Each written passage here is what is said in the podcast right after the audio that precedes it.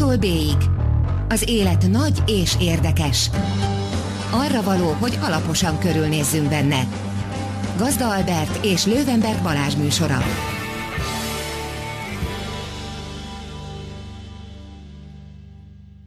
Jó estét, drága hallgatók! Ez itt az A-tól B-ig, az élet nagy és érdekes. Én Lővenberg Balázs vagyok. Én pedig Gazda Albert. És mai vendégünk Jókuti András. Gastro mindenféle. Ez így nagyjából stimmel, sziasztok. Gastro micsoda? Gasztro mindenféle. Mindenféle. Részletezzük egy kicsit. Jó, hát elsősorban én, én gastrobloggernek tartom magam, már csak azért is, hogy egyszerűbb legyen mondani valamit, meg tényleg ez a fő tevékenységem, tehát alapvetően nekem van egy gastroblogom, és akkor azt írogatom, ez nem a hagyományos receptblog, hanem elsősorban éttermi élményekről szól. Ez a Nyugodtan megnevezhetjük. világevő.hu. Azaz. Mióta is van? Ez most már több mint hat éve, úgyhogy, úgyhogy azt hiszem, hogy életemben még nem sok projektet vittem ennyire sokáig, mint ez, úgyhogy ilyen, szempontból is egy kellemes élmény.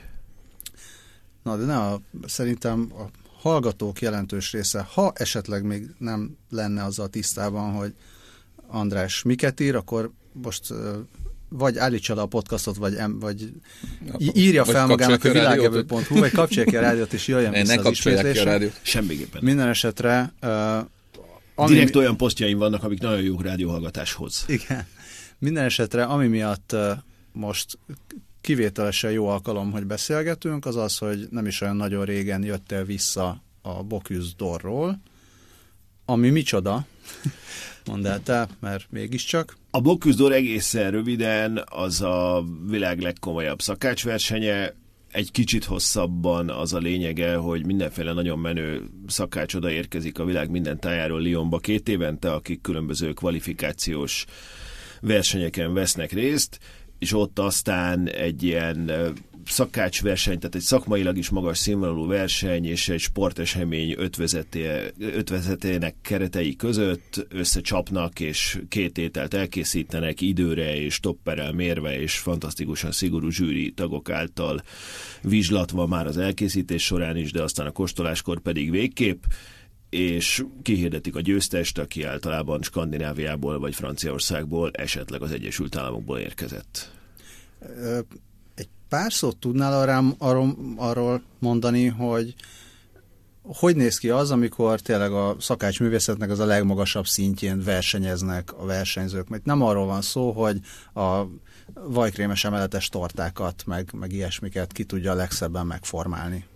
Nincs, nincs szürpríz sem, tehát a, alapvetően valóban a, az a lényeg, hogy, és ez a szervezőknek a törekvése is, aminek az érdekében csiszolják is a szabályokat folyamatosan, hogy a, hogy a világ csúcséttermi trendjeit próbálják valamilyen módon leképezni, tehát hogy azokat a, azokat a kvalitásokat kérik számon a séfeken, ami mondjuk ahhoz is szükséges, hogy valaki egy két-három Michelin csillagos étteremben sikeresen tevékenykedjen, úgyhogy mondjuk elég nagy részben nem is feltétlenül csak a művészkedésről szól egy ilyen, hanem, hanem a logisztikáról. Tehát annyira ki van számítva az az 5 óra 35 perc, amikor ott a, a séf a segédjével, illetve még kapnak egy plusz segédet hárman, tevékenykednek egy kis konyhaboxban, ott annyira nem véletlenszerűen történnek az események, hanem gyakorlatilag a másodpercre pontos az talán túlzás, de, de nagyon-nagyon ki van találva, hogy ki és mit csinál és milyen sorrendben és csak akkor tudnak sikeresek lenni, hogyha ez meg is valósul. Tehát egy ilyen hihetetlen fegyelmezett munka zajlik itt a konyhában, semmi, vagy szinte semmi rögtönzés, és, és szinte semmi művészkedés nincsen, és akkor ehhez van hozzápárosítva egy, egy lelátó, ahol megőrjöngenek az emberek, úgyhogy tényleg egy nagyon-nagyon furcsa, de mégis működőképes elegy. Mi lehet, mi, min őrjöngenek, hogy most keverd, vagy tehát mi, mi a... Egy nagyon, nagyon süst. Süsd vagy már! piríts, piríts alá, vagy még egy, még egy, még egy, igen, még egy, még egy löttyintést abból, nem tudom, a szójaszószból. Igazából nyilván nem, nem tudnak ők a, a tehát annyira gyorsan zajlik a, a főzés, tehát hogyha az ember ott egy kicsit elkezdi figyelni közelről, hogy mi történik, annyira semmi köze annak ahhoz, amit mi csinálunk a konyhában, tehát amikor így begyújtad a gázlángot, és akkor elkezded föl... Azért, azért öt és fél óra alatt én is készen vagyok az Öt és ebédre. fel, te is begyújtad a gázlángot. Igen, valószínűleg, valószínűleg tehát az, az az ebéd, az valószínűleg ennek a, ennek a két fogásnak, mondjuk az egyiknek a köretének a, az egyik kis részlete lenne. Tehát nyilván itt ugye az Persze. a cél, hogy baromi bonyolult dolgokat mutassanak be, és nem, nem olyan, hogy akkor ugye elkezdik felütni a tojásokat, és akkor valaki azt mondja, hogy már egy keverőedényt, meg hú, a villa, hol a villa, hol a villa, hanem, hanem tényleg ilyen, ilyen hihetetlen, hihetetlen profizmus van, és nehéz akár szabad szemmel követni is, hogy mi zajlik. A közönség ennek megfelelően inkább csak, inkább csak úgy szurkol, hogy, hogy hajrá, hajrá. Tehát, hogy nagyon, nagyon céltudatos szurkolás nem tud lenni, mert hogy nincsenek meg azok a munkafázisok, amik, amik egyszerűen követhetők lennének, tehát nem olyan, mint egy foci meccs ilyen szempontból, hogy, hogy lehet izgulni, hogy akkor most betalál-e vagy nem, de még azt is el tudom képzelni, hogy majd egy pár éven belül majd ez kikísérletezik, hogy tényleg... olyan, mint a jégkorongot, úgy se látnak korongot. Hát azért ott is, ott is van olyan, hogy valaki meglódul, és azért az eltart még egy jégkorongnál is, igen. Pár másodpercig. Egyébként, egyébként, egyébként a, a fotókon azt hiszem az indexen, de lehet, hogy konkrétan nálad, bár nem tudom, mindegy is. Jég, magyar, hát, jégkorong, magyar jégkorong válogatottnak a mezében szurkolt valaki. Ja, igen, igen, igen, a, a Csapodi Balázs, a kis tücsöknek a... Ne, nem ő volt, egy fiatal. Nem ő volt, de ő mindig viszi jégkorong mezt, és, igen? és ő, ő már hagyom, hagyományosan mindig abban a szurkol, igen. Nem is tudtam. Úgyhogy, úgyhogy tényleg van összefüggés a sporttal ilyen szempontból is. és mindjárt majd még visszatérhetünk az ételekre, de te ott most műsorvezető voltál, ami egy ilyen nem, nem is olyan régi hír volt, egyszer csak kiírtad, hogy hoppá, mondták, hogy legyél műsorvezető. Igen, az, ahhoz, képest, az, ahhoz képest egyszer én még elszomorodtam, az, az hozzátartozik a dologhoz, mert hogy amikor ők, tehát ők kitaláltak egy teljesen új műsorvezetési struktúrát, amiben, amiben rám épül gyakorlatilag a, a teljes Leoni Buküzdor műsorvezetése, ami egyrészt egy, egy rettentő megtisztelő és, és hihetetlen felkérés volt, és borzasztóan meg is lepődtem rajta. Másrészt viszont, eh, ha maradunk a sportnál, akkor ugye kicsit olyan, mint átigazolni egyszer csak a Barcelonába játékosként, és hát ott azért más, más dinamika is van, és más erővonalak is vannak, mint amit az ember úgy kívülről elképzel és tehát ehhez képest azért kicsit módosult a történet, a, a, nem akarok nagyon a részletekbe belemenni, mert ugye mégiscsak ők a megbízóim, tehát nem, nem, nem nagyon mondhatom, hogy hát mit, mit tettetek ti velem, de azért alapvetően egy lényegesen kisebb szerepet kaptam végül, tehát a, a műsorvezetői csapatba belekerültem, ami így is egy nagyon jó dolog, és hogyha valaki mondjuk egy évvel ezelőtt azt mondta volna, hogy én is ott leszek Lyonban műsorvezetőként, majd a Boküzdoron, akkor azt mondom neki, hogy ugyan már ez egy hülyeség, erre semmi esély ahhoz képest, hogy fel, hogy eh, gyakorlatilag eh, az volt a felkérés, hogy akkor rám, rám szabják az egészet, mert hogy megújítják a formátumot, és mindenféle ahhoz képest nyilván ez egy, ez egy visszalépés volt. De, hát, de nem küldtek haza, mint Kleinheisler. Nem, kül, nem, nem küldtek haza. Igen. Franciául tanulni. Nem küldtek haza, mert volt egy, volt egy, egy, egy-két óra, amikor gondolkoztam, hogy akkor most hazamegyek, de mert hogy, mert, hogy nem, nem, erre, nem erre készültem, meg nem erre számítottam. Összességében nem annyira bánom így már utólag, de azért úgy át kell értékelni magamba a dolgokat, mert hogy, mert nyilván más, amikor az ember úgy készül, hogy akkor a kezdődik a meccs, és akkor kirohan, és utána onnantól kezdve ő is ott rohangál végig, ehhez képest azért egy, egy kiegészítő szerep jutott nekem, de így is jó, és aztán majd két év múlva szerintem ott még én, még én nekem lesz ehhez egy-két szavam. Most így ez volt a hivatalos, ami persze nem hivatalos indoklás, mert csak a nagyon nagy főnök avatkozott közbe, hogy a, az nem lehet, hogy a 30 éves jubileumon a, nem a megszokott műsorvezetői páros, akiknek az egyike, a francia fickó, ő 20 éve csinálja, hogy nem ők vannak ott, ami egyébként egy teljesen elfogadható és, és normális gondolat, kár, hogy ez az utolsó például jut az eszébe, miközben ismerte a terveket, hogy nem ők lesznek. Tehát, hogy ha ezt hamarabb, hamarabb tudjuk, akkor, akkor nincs ezzel semmiféle probléma. Végül így is szuper volt, meg így akkor jutott egy kicsit több energiám mondjuk arra, hogy a magyar csapatot nézegessem közelről, de én nem bántam volna, hogy semmi másra nem jut energiám. Talán itt van az alkalom arra, mert szerintem még nem mondtuk el, hogy ugye Szél Tamás Magyarország negyedik helyen végzett ezen a, a, ezen a versenyen az idén, ami minden idők legjobb magyar eredménye természetesen, és egy évvel ezelőtt ugye az európai döntőt viszont megnyerte. Pontosan. Ezt, ezt így el kellett mondani szerintem. Ez a negyedik hely, ez, ez nem, nem, jut jobban, nem jut jobban eszemben, úgyhogy így kérdezem, mennyit ér?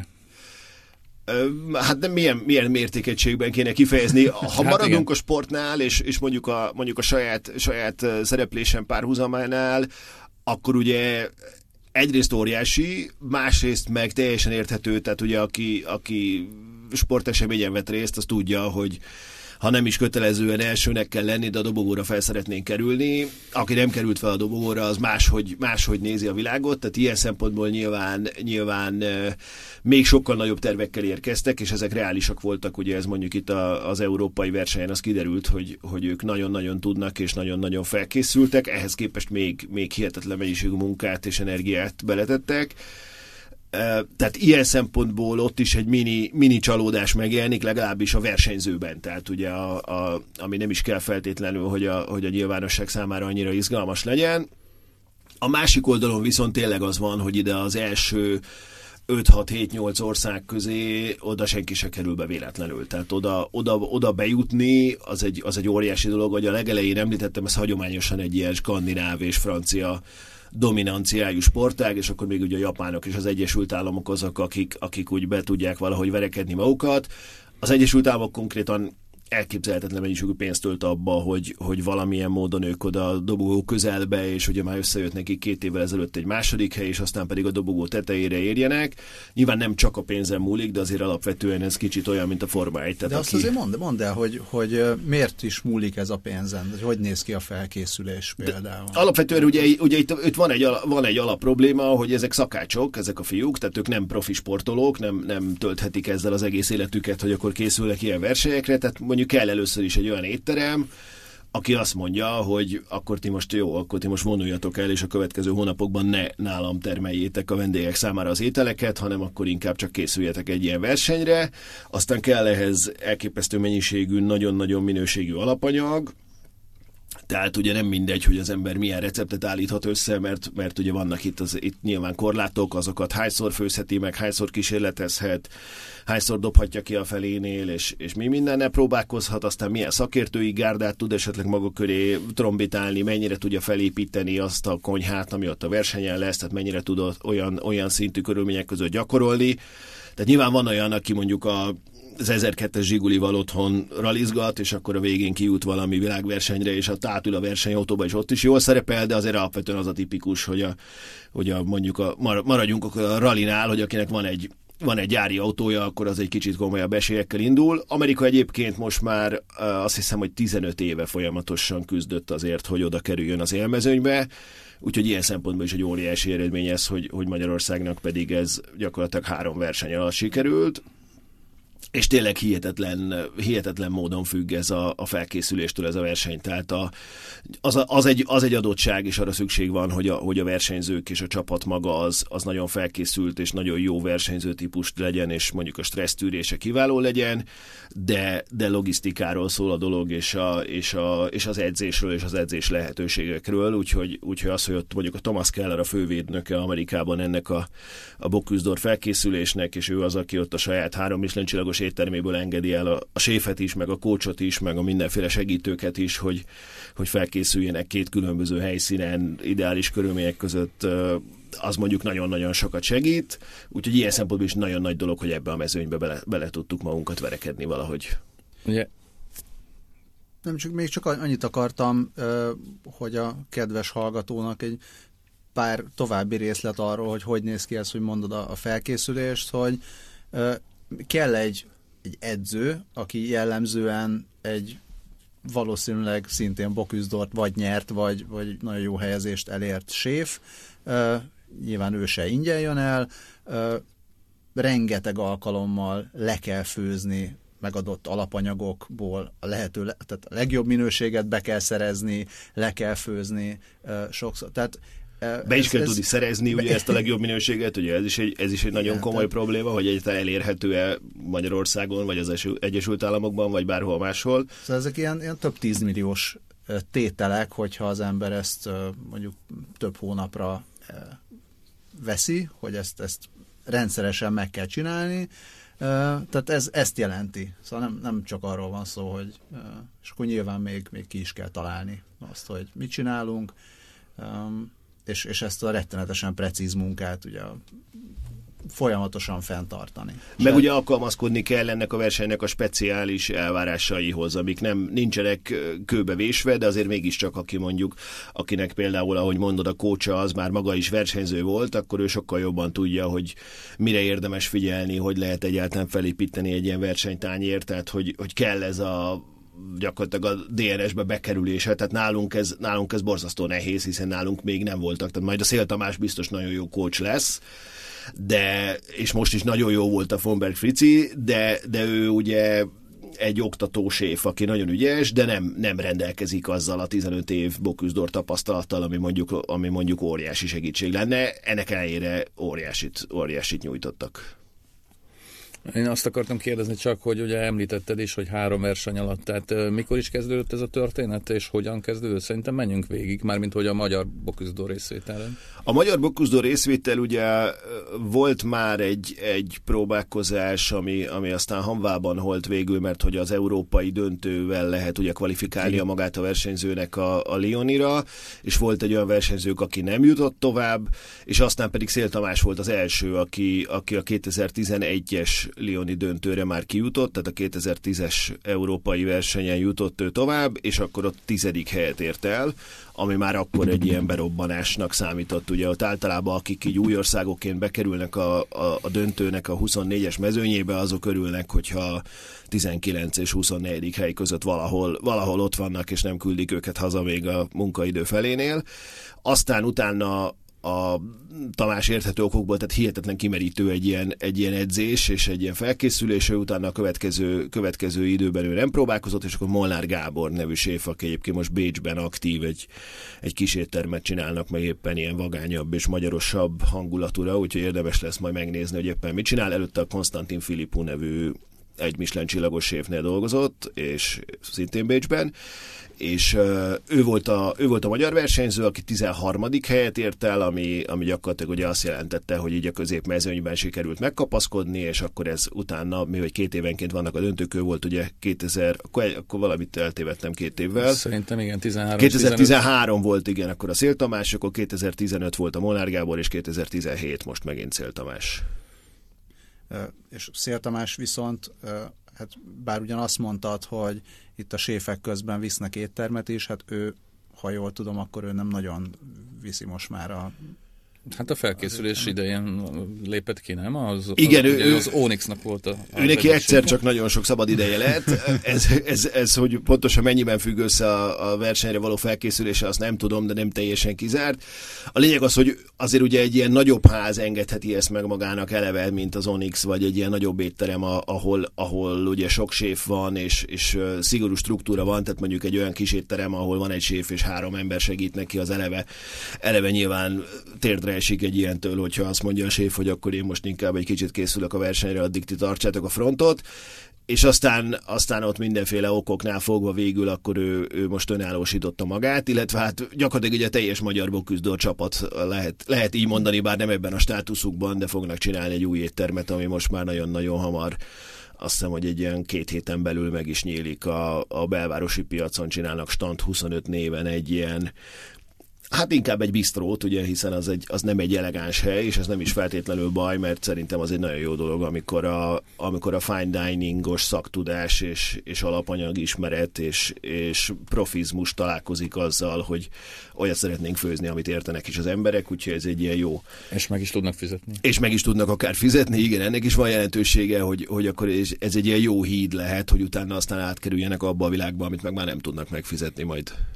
Ugye Szél Tamásról el kell akkor még mondanunk, hogy szóba is került az Onyx, tehát ugye ő az Onyxnak volt a séfje, e, Szóló Szabinával együtt, igaz? Igen. E, és az Onyx Magyarország második Michelin csillagos étterme, ami olyan 5-6 éve Az viszont meg. tényleg 2011 volt, azt hiszem, 11, a, a csillagjuk, meg 2010 volt a Kostes, igen. kapta meg a Kostes elsőként, és 2011-ben az Onyx másodikként, e, és pont és akkor ezek szerint ezt én nem tudtam, hogy akkor most így a, a, a, ugye a belvárosi piacról is mondhatunk annyit végül is szerintem nyugodtan, hogy ott, ott ugye elindult egy olyan történet egy-két évvel ezelőtt, hogy nagyon komoly séfek, illetve komoly éttermek nyitottak, hát most kvázi étkezdéket. Igen, igen, igen. ahol, ahol nagyon színvonalasan lehet enni nagyon jó dolgokat, tényleg nem drágán, vagy nem annyira drágán. Ugye ez és ez, és ez nagyon fontos. Abszolút nagyon fontos, és, és ráadásul azért, hogy nyilván egy kicsit drágább, mint a 799 forintos menük a városban, de az is fontos azért, hogy a, hogy a közönség megtapasztalja, hogy 799 forintért vagy 899ért nem várhatja azt, hogy tehát hogyha ő kiszámolja, hogy azért a közértből mennyi mindent tud vásárolni, az ne, nem várhatja, hogy abból valami minőségi kerüljön oda a tányérra, tehát hogy ennél drágább, Euróba de... kell számolni, és akkor Hát ez még mindig nem is az európai ár. Igen, Európa egyébként sokkal hasznosabb lenne számolni, és még mindig nekem is rengeteg olyan ismerősöm van, aki tudom, hogy euróban simán kifizeti az egy főételére a 15 eurót, de Magyarországon, hogyha szembesül... De 4500 forintért már de, 4500, de, de halál komoly, tehát hogy 4500 forintra azt mondja, hogy az borzalmasan drága, és annyit, annyit nem lehet egyszerűen De ez szerintem mindenki így van, nem? Tehát és hogyha, hogyha Ausztriában 10 euró egy főétel, akkor azt mondom, hogy hú, ez olcsó. Hogyha igen. Magyarországon 3000 forint, akkor nem mondom, hogy ez hú, ez a olcsó. Piacon. Igen, igen, hát a igen. piacon pláne nem, de a piacon szerencsére viszont olcsóbb azért jellemzően.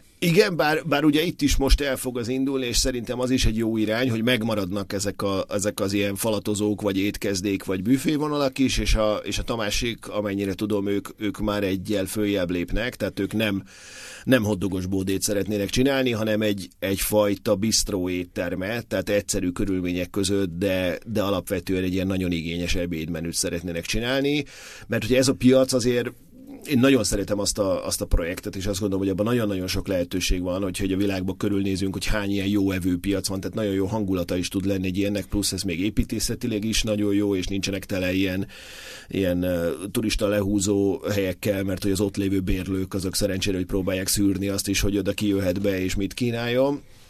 Úgyhogy én, én például nagyon el tudnám képzelni, hogy ott, ott mondjuk nagyon jó, akár elegánsabb vacsorázó helyek is legyenek. Tehát, hogy, uh-huh. hogy egy, ez az épület, ez mondjuk nagyon jól néz neki este is, meg éjszaka is akár. Ez még egy kicsit várat magára, most egyelőre ott még mindig az ebéd az erős, de az, hogy, hogy ott megtelepül egy ilyen, egy ilyen jó, jobb fajta étterem, ez szerintem ilyen szempontból hát is ahhoz, jó irány. Ahhoz képest, hogy a felújítás után ugye konkrétan nem volt ott semmi hónapokig, Igen. ahhoz képest nagyon sokat léptünk előre. Igen, a fakanál árus volt lent, meg, meg egy-két hát ilyen meg alig néhány stand, tehát egy, egy csomó bezárt. Ami nekem még hiányzik belőle egyébként, az a, az a valódi jó zöldséges, tehát az, hogy ott, hogy ott legyen egy olyan, már csak azért is, mert én, én nagyon sok ilyen külföldi ilyen enni, enni szerető ismerős szoktam Magyarországra csábítgatni, és akkor so, tudom, hogy sokkal jobban élvezné azt a piacot, hogyha ott lenne néhány olyan zöldséges stand, amelyik, amelyik úgy megadja ezt az igazi piaci hangulatot. Tehát at, akkor sokkal jobb érzés oda jönni, hogyha, hogyha van egy ilyen alap. Akkor is, ha az csak majdnem, hogy kulissza, de, de mégis akkor, abból látszik, hogy ez piac.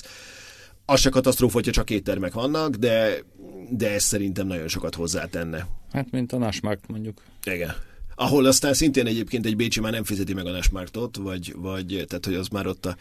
Igaz. Aki már ott vásárolt zöldséget, én belefutottam, amikor elkezdtem ott összeszedni, a, néztem, hogy hú, milyen jó, ilyen spárga, vagy spárga, és elkezdtem szedegetni a csomagokat, és akkor a végén nem tudom, hogy 60-80 eurót ki, ki eltérte fizetni, akkor rájöttem, hogy akkor a, tovább, továbbiakban... Át, számoltad forintra. Nem számoltam át, de az, az, még úgy, az még úgy euróban is nagyon súlyosnak tűnt az ilyen kis 15 dekás kis csokrokért, és akkor gondoltam, hogy jó, akkor ezt egyszer egyszer megcsináltam, akkor továbbiakban akkor a zöldségbeszerzés az nem itt történik. No, itt észrevétlenül áttévettünk a magyar gasztronómia általános állapotára a Bokuszudóról. Még van kérdésünk egyébként? Ö, nekem van egy olyan kérdésem, onnan? hogy hogy néz egyébként ki a műsorvezetés, de nem tudom, mert ugye meg. a műsorvezetésnél kanyarodtunk el így valamelyik Minden, irányba. Mindenfelé.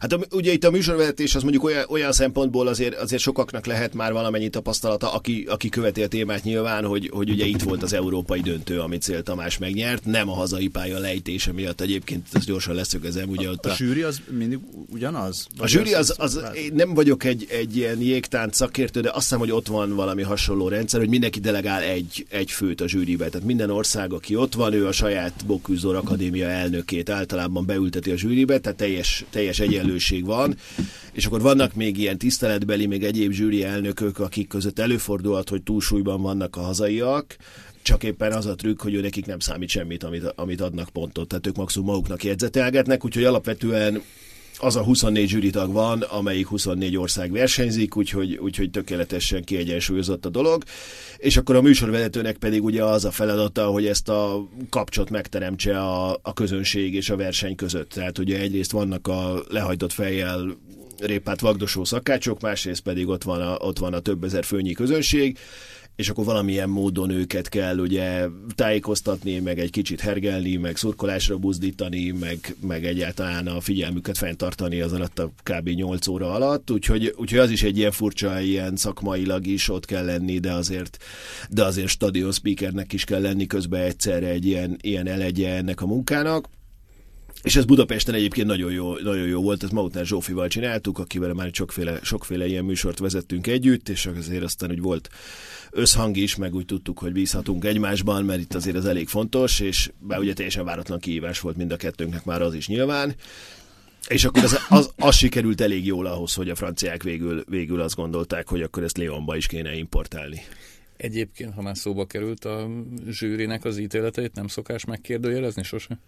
Nem kerül nyilvánosságra, tehát a, a, ugye az egyes pontokat, amiket ők adnak, azokat nem mutatják, meg van egy végső összpontszám, amit bemutatnak, tehát ilyen szempontból nem ugyanaz, azt hiszem, hogy a jégtálcnál ott így hát, mutogatják. Szerintem ugye, már nem. Már nem? Ja. Nem, már ott is Akkor ott is belátták, hogy abból csak, abból csak a baj van. Szokott lenni óvás. Nagyon-nagyon ritka. Igen, ez is nem készült túl.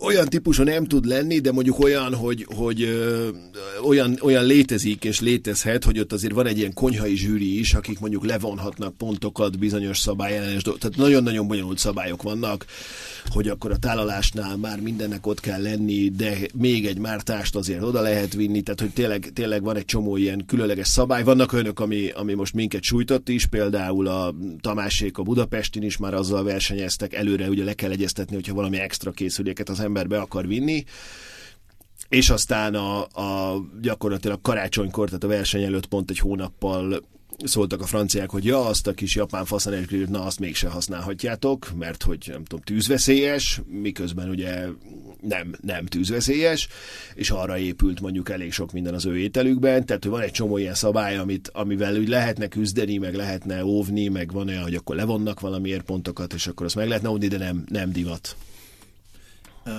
és akkor már vissza, visszahozom az egészet, hogy mert azt is akartam kérdezni, hogy amikor elkezdtünk beszélni erről, hogy a Szél Tamásék meg a Boküzdor csapat nyit a piacon egy bistrószerűséget, hogy milyen hatása van? Van érezhető hatása mondjuk nem csak ezeknek a séfeknek a, a munkájára, de egy ország gasztronómiájára az, hogy jól szerepel a boküzdoron? És közepesen? föl is tenném ennek a kérdésnek a másik felét, hogy azt szerinted minek tudható be, hogy ez ennyire fontos lett? Mármint, hogy tényleg egy, egy viszonylag széles közönség követi, mármint a sajtóban, meg egyéb, most nem a helyszínre gondolok, az egész ország büszke rá, mindenki úgy tesz, mint hogyha tudná, hogy mi ez, tehát, hogy, és ez nagyon gyorsan történt, szóval, hogy szerinted ez minek köszönhető?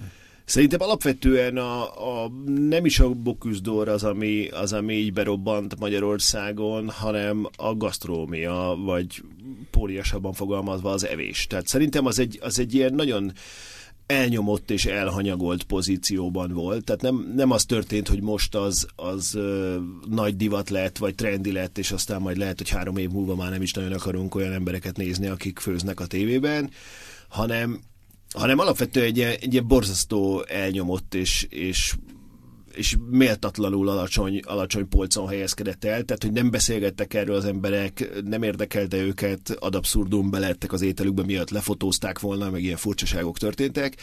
Tehát, hogy én ezt, ezt látom inkább így az utóbbi években az óriási fejlődésnek, akár hogyha mondjuk a tévéműsorokat is nézzük, én mondjuk szerencsére valójában nem nézem, de, de hogy ott is az van, hogy elkezdtek jönni a különböző főzős témájú tévéműsorok, és ilyen szempontból ugye a Boküzdor is tulajdonképpen egy ilyen főzős témájú műsor, és ez egy apropó arra, hogy gondolkozzunk azon, hogy mit teszünk, hogy miért teszünk, hogy főzzünk-e, vagy kipróbáljunk-e valami újdonságot, vagy maradjunk a jól bevált csülökpörköltnél minden egyes alkalommal.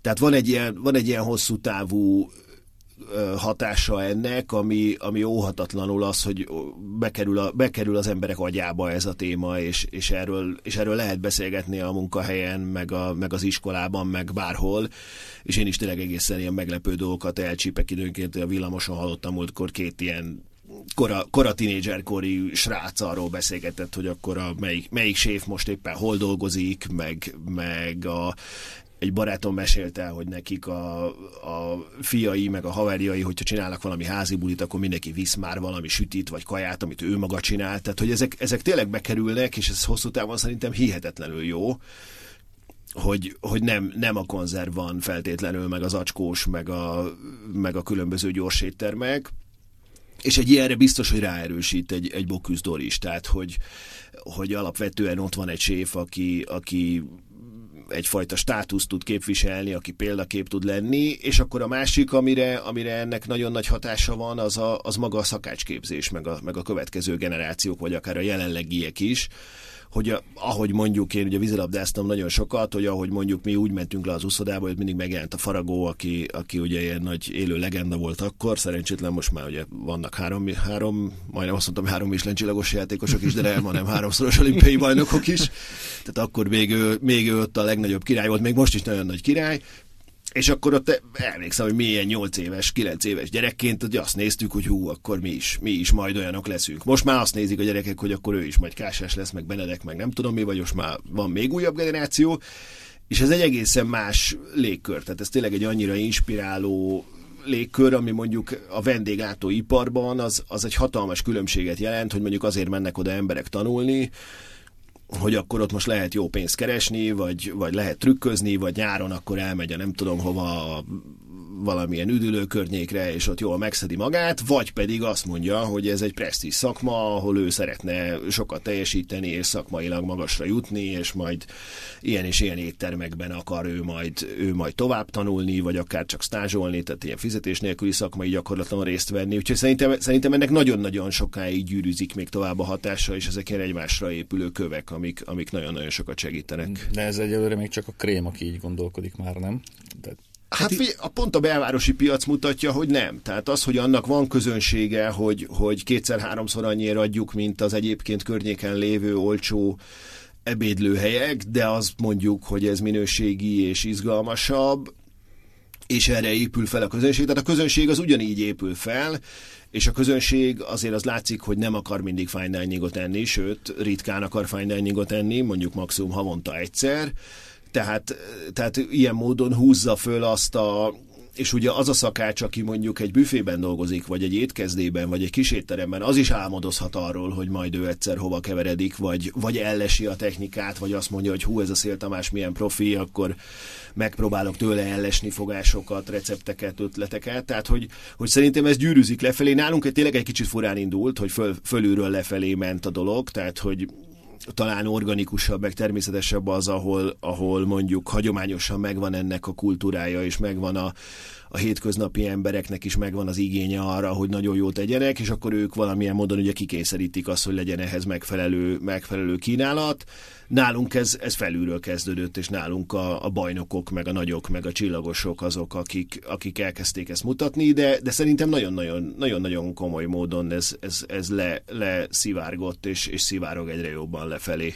Ez azért, azért jó, hogy mondod ezt a leszivárgást, mert ugye a párhuzam mondjuk a sporttal, az, az oké, okay, hogy inspiráló, hogyha látjuk a, a nagyokat, viszont míg a vízilabdát meg tudom nézni a tévében, és meg is nézik sokan, addig az Onyx-ban, meg a Kostesben nem olyan sokan mennek el, hiába hallják, hogy az az el... Tehát nehéz ugye egy első kézből mindenkinek inspirációt szerezni, meg én látom, hogy a Szél Tamás negyedik lett, de nem biztos, hogy eszem a főztjéből, és azért elolvasva, bármilyen szép, a, meg jó a beszámoló, sokkal nehezebb képet alkotni arról, hogyha előtte nem ettem mondjuk tíz másik Michelin csillagos helyen, hogy, hogy mi az. Nyilván mondjuk neked, vagy, vagy aki, aki már sok ilyet evett, már valószínűleg elolvasva jobb képet tudsz alkotni. Tehát azt, azt azért nem állítanám, hogy én, én elolvasok egy ilyen Bocuse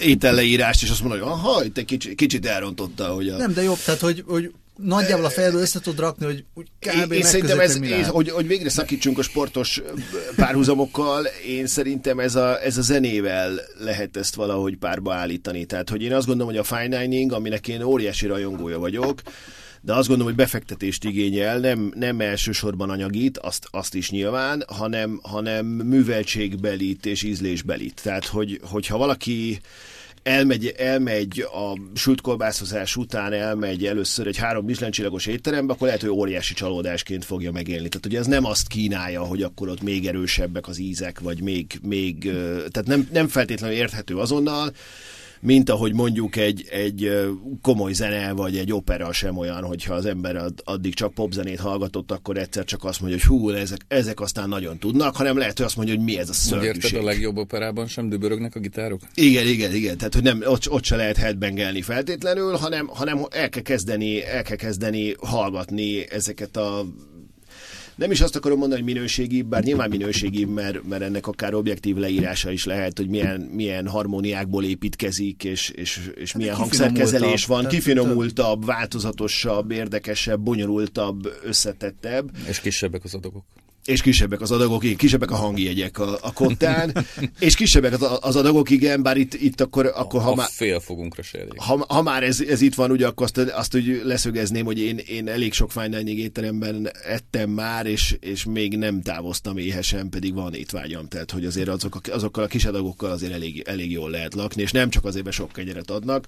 Sajnos túlságosan jó, fontos. Sajnos túlságosan jó kenyeret adnak, igen, a legtöbb helyen, és az, az borzasztó dilemma, hogy abból mennyit tegyek meg, meg, mert az, az, azt oda teszik ezeket a nagyon jó, ilyen természetes, kovászos, baromi jó kenyereket valami nagyon jó vajjal, és akkor, akkor ott lehet a magamfajta féktelenét vágyó az ott retteghet, hogy mi van, hogyha azzal fog jól lakni, meg eltömi magát, de, de anélkül is nagyon jól lehet lakni.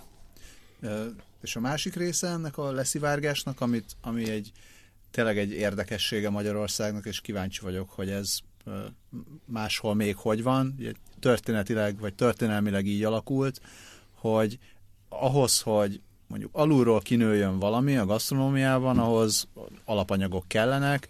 Most Magyarországon ezek az alapanyagok nem voltak meg jó sokáig, és most azáltal kezdenek lassan meglenni, hogy hogy, hogy van megköveteli, igény. hogy van rá igény, tehát megköveteli a gasztronómia fejlődése, hogy legyenek alapanyagok, és akkor hirtelen, nem hirtelen, szépen lassan egyszer csak lesznek. Viszont ha már vannak alapanyagok, akkor utána meg egyre inkább már nem csak a, tehát a beszerzés is egy fokkal könnyebbé kezd válni, és akkor ezáltal meg lesz arra lehetőség, hogy már ne csak ami az megint visszafelé erősíti. Igen, ugye az, az meg ugye megint a termelő dolgát megkönnyíti, akkor most már nem a három étteremnek szállíthat, hogyha átáll a minőségi termelésre, hanem egyszer csak tíznek, meg húsznak, és akkor oda bekerülnek a, az egyszerűbb helyek is. Azért jelenleg azért ez még mindig drámai helyzetben van, tehát hogy én, én azért át, átutazom a félvároson zöldségért, azért, hogy van egy, egy darab őstermelő, akiben nagyon megbízom, és akkor ami, amilyen neki van, azt veszem. Egyébként szerintem ez egy, ez egy nagyon fontos ilyen szociális felelősségvállalás is, tehát hogy ezeket támogatni is kell, ezeket a helyeket, meg ezeket a tisztességes, akár kereskedő, mert ugye nyilván egy hentestől nem várjuk el, hogy a saját állatait árusítsa, de mindegy, hogy ez most hentes, vagy zöldséges, vagy, vagy bármi egyéb dologgal foglalkozik, vagy étterem, tehát azt gondolom, hogy ez egy, ez egy felelősség is, hogy oda, oda kell vinni a pénzt, és kész, mert, mert különben, hogyha ő ha ő nem kapja meg ezt a fajta pozitív feedbacket, ugye neki nem elég a like, meg a, meg a mosolygás, akkor, akkor nem, fog, nem fogja tudni fenntartani azt, amit ő végez. Nem és csak akkor... nem pénzből élő is. Igen, igen, igen. Bár, bár ugye miért nem termeli meg magának, tehát hogy azért, azért most is én, én például a Lehel piacra járok vásárolni, ott azért, amikor körülnézek szombat délelőtt, akkor, akkor 98%-ban lehet, hogy egy kicsit túlzok, akkor még mindig szinte kizárólag a nagybani piacról származó árut látok. Tehát ugyanaz az uniformizált narancs, citrom, gyökérzöldség van mindenkinél, és akkor vannak, akik ezt megpróbálják ilyen őstermelői álcával eladni, és vannak, akik, akik van az a nagyon-nagyon kevés, aki meg tényleg őstermelő, és van valami saját áruja, és, és hogy, mű... hogy ismered fel? Hát ez egy bizalmi viszony, tehát hogy, hogy gyakorlatilag ugyanahoz az emberhez megyek mindig. Tehát ez egy család, akikről most már én egyre Majd többet tudok. meg. Jó. Akár nem tudom, nem, ha nem ciki, akkor megmondom szívesen, hogy hol vannak.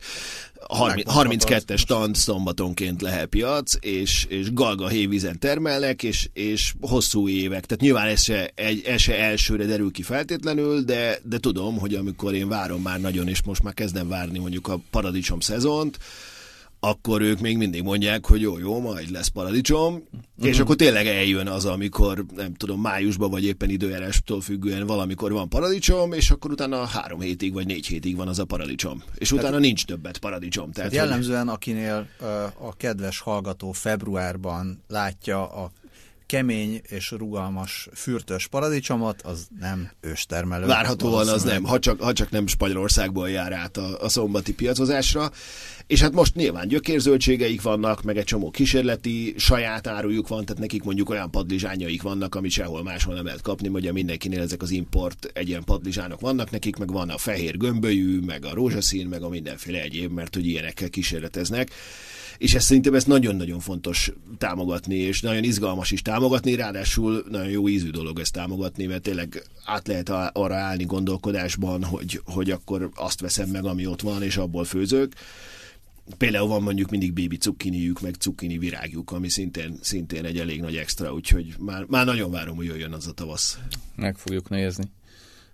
Én abból kiestem, ha most már még így beszerzésről van szó, hogy a kínaiak, illetve közel-keletiek Magyarországon nem ők, ők nem megbízhatóbbak esetleg zöldségekben? Tehát nekik nincsenek ilyen kis külön beszerzési forrásaik, hogy az ember elmegy. Hát ugye az is, az is egy olyan történet, hogy akkor, akkor lehet, hogy az valódi, meg lehet, hogy jó minőségű, de akkor is azért csak körbeutazza a félvilágot. Nyilván én nem fog kampányolni a világban való utazgatás ellen, de, de azért szívesebben támogatom azt, aki itt termeli meg, és tudom, hogy, hogy maximum csak berakta a csomagtartóba és hozta ide. Ezzel együtt a valóban, hogyha mondjuk ilyen exotikusabb dologról van szó, akkor, akkor ilyen ázsiai, ázsiai zöldségeseknél az mondjuk jobban megtalálható, meg mondjuk ilyen török vagy közel-keleti henteseknél is mondjuk meglepően, meglepően jó áru szokott lenni de, de én azért úgy igyekszem, tehát hogy annyira Vedd bevált. Hazait. Nem, ez tényleg egy ilyen, de, tényleg egy olyan, meg, meg, egy bizalmi kérdés is, tehát hogy, hogy szerintem ugyanolyan, mint a, a fogorvos meg az ügyvéd kiválasztása, hogy ezt nem, nem cserélgeted le úgy minden hétvégén, hogy na most akkor megyek a másikhoz, mert hát ha az egy kicsit olcsóbb vagy, vagy szebb, hanem hogyha van egy, aki bevált, akkor nekem olyan fogorvosom van, hogy én senki máshoz nem mennék, mert, mert megtapasztaltam, hogy ez az ember a a gyakorlatilag egy kihúzott fog fölött el tudja sírni magát, hogy nem tudta megmenteni azt a fogat. Konkrétan, konkrétan egyszer az egész család hozzájár, mert annyira profi, és a, egyszer azzal fogadott, hogy, hogy képzeljem el, hogy, hogy majdnem elvesztettünk egy fogat. És mondta, hogy mi van? Mondta, hát az apám volt itt, és hogy, hogy majdnem ki kellett húzni egy fogát. És hát az, az apám akkor is már bőven 70 fölött volt, mondta, hogy jó, jó, akkor most már az enyémet. Tehát, hogy, és ott, ott volt teljes letargiában, és nem, egyszer nem értettem, hogy mit akar. Aztán értem, tehát, hogy, hogy, hogy hihetetlen profin dolgozik, hát ezt nem fogom lecserélni nem is a nemzetisége mindegy, de nem fogom lecserélni másra, az biztos. A, ugye ma Magyarországon van öt Michelin csillagos étterem, hogyha jól emlékszem. Ugye jól Igen. Emlékszem. És, Ez egy hónapon belül változhat, de... Na, ezt akartam kérdezni többek között, hogy szerinted változni fog? Az a baj, hogy, hogy amellett, hogy baromira örülök minden Michelin étteremnek, egy, egy, és nagyon sokat járok Michelin éttermekbe ugye a világban, egy kicsit, kicsit kopik a szememben a Michelin megbecsülése, tehát hogy úgy veszem észre, hogy Magyarország nem elég fontos piac számukra, tehát hogy nincs az, a, amit ők állítanak, de a világ sok részén ilyen látszik, hogy nem, nem annyira gondos a tesztelés, mint amit ők mondanak, és nem járnak ők azért ide minden harmadik hétvégén ellenőrizni, hogy mi a helyzet. Ezzel együtt nagyon-nagyon fontos a csillag, és nagyon jó, hogyha valakinek van, és, és hatalmas gratuláció jár érte, hogyha megőrzi, és mondjuk idegenforgalmi szempontból is óriási a jelentősége, hiszen nagyon-nagyon sokan igazodnak ehhez, illetve szóval inkább, inkább az én szememben az most már inkább egy ilyen, egy ilyen minőségbiztosítási standard, tehát nem azt, nem az, azt jelöli. Ez nem kevés. Nem kevés, persze, tehát nem azt, nem azt jelöli, hogy valami tényleg fantasztikus-e, és, és nagyon kreatív-e, hanem inkább azt, hogy itt várhatóan nem fogsz csalódni, mondjuk a Michelin csillagot. Tehát kicsit túl misztifikáltuk mi ezt úgy régebben, amikor még nem, nem láttuk elég közelről a dolgot. Meg amíg még nem volt. Meg amíg még nem volt, igen. Hát igen. Akkor aztán végképp nagyon-nagyon-nagyon szerettük volna, hogy legyen. Én egyébként el tudom képzelni, hogy, hogy lesz, sőt, ha az Onyx ugye még mindig Szél Tamással és Szúló Szabinával menne, akkor, akkor most az lenne a válaszom, hogy ők talán megkapják a két csillagot így, így azért erre, erre azt gondolom, hogy, hogy csökkent az esély, ha csak nem jutott el a Michelinhez, hogy, hogy nincsenek már ott, és esetleg, tehát hogy, hogy természetesen őt az viszik tovább jól azt az éttermet, de azért, azért, azért fontos egy ilyen étteremnek, hogy ott legyenek a vezető. Hát az állandóság. Az állandóság, meg, meg a kreativitás, amit egy ilyen séfpáros tud kínálni. Ha tippelnem kéne most, akkor, akkor azt tippelném, hogy, hogy nagyjából marad a jelenlegi helyzet, és hogyha azt kéne tippelnem, hogy lesz-e új, akkor a Báberre tippelnék, aki, akik szerintem minőségükben bőségesen megérdemlik. Egy kicsit fura a csillagosztási rendszer, mert valójában, hogyha mondjuk egy nemzetközi viszonylatban nézem a, a magyar csillagokat, akkor hogyha azzal összehasonlítom, hogy Franciaországban milyen egycsillagosokban ettem, akkor ahhoz, kép, ennyi. ahhoz képest Magyarországon lehetne minimum kétszer ennyi, igen. Hát igen, viszont azt is, azt is elmondhatjuk azért, hogy a, a hogy is mondjam, Ausztriától keletre messze nálunk van a legtöbb. Egyértelmű, és, és ugye, és ugye Ausztria Hiszen... is... Ausztria is egy komoly pofont kapott, hogy, hogy 2009-ben megszűnt a, az osztrák kalauz, és azóta ugye ott is csak a, a Bécs és Bécs környéki, meg, meg Salzburg és Salzburg környéki éttermek kaphatnak csillagot, de egyértelmű, hogy a régióban, főleg ugye az ilyen ex-kommunista blokkban kimagasló a teljesítmény. Most egyébként pont kapott egy nagyon furcsa körülmények között kapott egy, egy horvát, egy isztriai étterem, a Monte nevű étterem Rovinyban kapott egy csillagot, amiben az a meglepő, most pár nappal ezelőtt, amiben az a meglepő, hogy nem egy kalauzban jelent meg, meg is kérdeztem a Michelin-től, hogy ez micsoda, és mondták, hogy ez, egy, ez a, csak a digitális verzióban. Tehát, hogy eddig mindig minden csillag úgy létezett csak, hogy kijön egy valamelyik könyv, és akkor oda van írva az étterem neve mellé a csillag, és itt meg nem, hanem, hanem nincs Horvátország, hanem az csak digitálisan, tehát a Michelinnek a weboldalán létezik, de, de ugye Horvátország azért most kapta az elsőt, ugye Prágában volt már, de később, és ott volt egy, volt egy, egy bukta is, Varsóban azt hiszem továbbra is csak egy van, lehet, hogy most már talán kettőben nem vagyok teljesen napra kész, de a lényeg az, hogy kimagaslóan sok van nálunk, igen. És hogy lassan-lassan a műsor végéhez érünk. Rólad még alig beszéltünk. Elmondod azért, hogy a idénre milyen világevési terveid vannak, vagy legalábbis amit már látsz? Igen, a, a, lesz most, megyek a jövő héten, megyek a Nomának, az nekem nagy szerelmem, az a kopenhágai szerintem a világ legjobb étterme, de egyébként csak két Michelin csillagos. Nekik lesz egy ilyen záró partiuk, amire elhívtak szerencsére, mert hogy annyit, annyit rontom ott a levegőt, hogy most már azt, azt mondták, hogy akkor erre is jöhetek. Aztán utána megyek majd áprilisban a Noma Mexikóba, mert ugye ők Mexikóban csinálnak egy pop ők csinálnak most már így gyakorlatilag évente egy ilyet, hogy kitelepülnek valahova, és akkor nem, a, nem ez a megúszós kitelepülés, hogy viszik zacskóban a, a készételeket, hanem ott a helyi alapanyagokat felkutatva tényleg egy ilyen legalább egy éves előkészület előzi ezt meg, és akkor megnézem, ami nyilván a annak a másik értelme az az, hogy, hogy mondjuk a Mexikó, mint, mint gasztroúti cél is nagyon izgalmas, hogy akkor már ott az országot is egy kicsit igyekszem bejárni, főleg kaja, de azért kicsit maja, maja romok szempontjából is.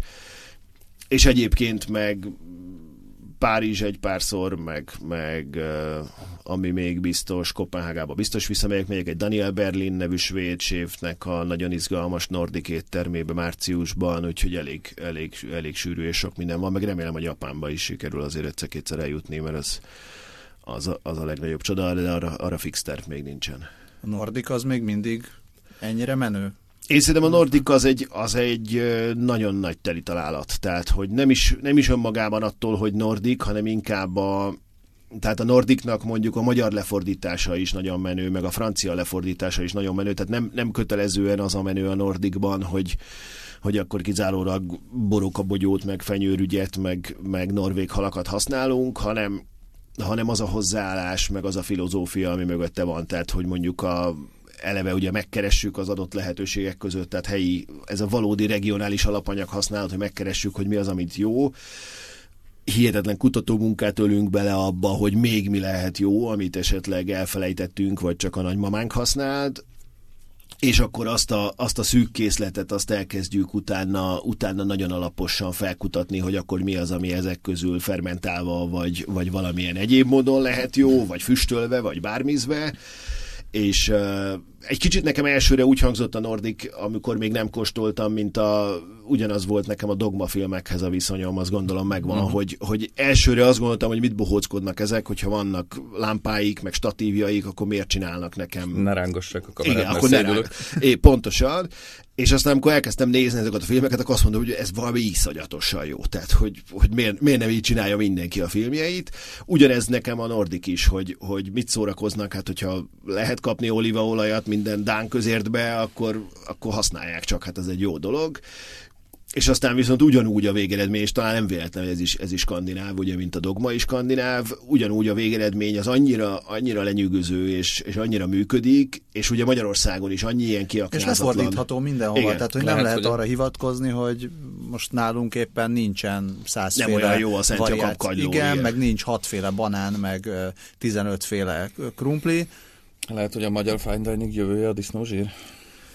Egyébként a, a, hát nem, ugye, ugye nem baj, hogyha megnézzük más állatok zsírjait is, tehát nem, nem feltétlenül ez a hagyományos konyhához való visszatérés. Egyébként a dánok is a, hagyományosan gyakorlatilag sertésültet esznek krumplival az átlagember, de, de egyébként a, a Bábel erre is jó, tehát ilyen szempontból egy kicsit nordik, hogy, hogy behoznak olyan, olyan ízeket, amiket, amiket fine diningban nem nagyon találtunk, tehát mondjuk a széna, meg egy-két ilyen furcsaság, amit, amit úgy ritkán lát láttunk eddig ilyen pozícióban, vagy mondjuk van egy olyan desszertjük, azt, azt nagyon-nagyon szeretem, hogy mondjuk fokhagyma van, tehát hogy ilyen egy fokhagyma fagyi van benne, tehát hogy, hogy nem feltétlenül kell mindenhova homár és, és, és libamáj, ami ugye baromi unalmas tud lenni egy idő után, meg nem, meg nem mutatja meg igazán a séf azzal, hogy mit tud, mert egyszer megtanult homárt készíteni, meg libamájat sütni, az, az utána azért az nem egy, nem egy olyan kifejezés. Úgyhogy, úgyhogy valóban ez a lefordíthatóság, hogy nekünk is vannak erdeink, meg tavaink, akkor meg kell nézni, hogy ha a pontja az így önmagában nem olyan jó, akkor nézzük meg, hogy mit lehet vele csinálni, hogy mégis emberi fogyasztásra alkalmatlan legyen, vagy alkalmas legyen. de, a, de ugye vannak gombáink és mindenféle egyéb, amivel, amivel biztos, hogy sokkal többet lehet kezdeni, mint az, hogy a, gyakorlatilag a, nálunk a gomba az a csiperkét jelenti. Tehát, hogy annyira, annyira sokrétű alapanyag van itt is, és aztán a, ha a skandinávok meg tudják csinálni, hogy gyakorlatilag nem léteznek évszakok, hanem, hanem hát emlékszem, amikor először mentem a Nomába, akkor, akkor május végén hozták büszkén a különböző ilyen zöld színű növényeket, hogy akkor itt a friss medvehagymahajtás, meg fokhagymahajtás, és büszkék voltak, hogy itt, itt van akkor a tavaszi, itt van a tavasz, és mondtam, hát igen, az, nálunk az egy két hónapja kezdődött, és mégis iszonyú jó volt, és ők azt vállalták, hogy akkor addig nincsen tavasz, és addig nem csinálnak ilyeneket. Tehát, tehát bőven, bőven látok ebbe óriási lehetőségeket, de Párizsban is például terjed már divatként ez a fajta, nem hívják nordiknak, de ez a kicsit ilyen természetközelibb, és, és, és, és kutatóbb, és, és a szakítva ezzel a fő, főúri konyhai hagyományokkal inkább, inkább kicsit a pórias irányból megközelíteni az ételeket, és aztán azt nagyon jól megcsinálni. Szerintem ez egy, ez egy nagyon-nagyon jó irány. Hát drága hallgatók, aki megéhezett, az én vagyok. Egyen, az, az valószínűleg mindenki. Olvassák a kedves hallgatók a világevő.hu-t, megnézzék a videókat, amik ott vannak. Köszönjük szépen, hogy eljöttél. Én köszönöm. Hallgatóknak köszönjük a hallgatást. Az ismétlést szerdán 0 óra 05 perckor lehet meghallgatni, illetve aki arról lemarad esetleg, az a podcaston később három kérdés című podcastunkon Albertál meghallgathatja, ez a facebook.com per kast.hu oldalon megtalálható. Köszönjük szépen mindenkinek! Ától b Az élet nagy és érdekes. Arra való, hogy alaposan körülnézzünk benne. Gazda Albert és Lővenberg Balázs műsora.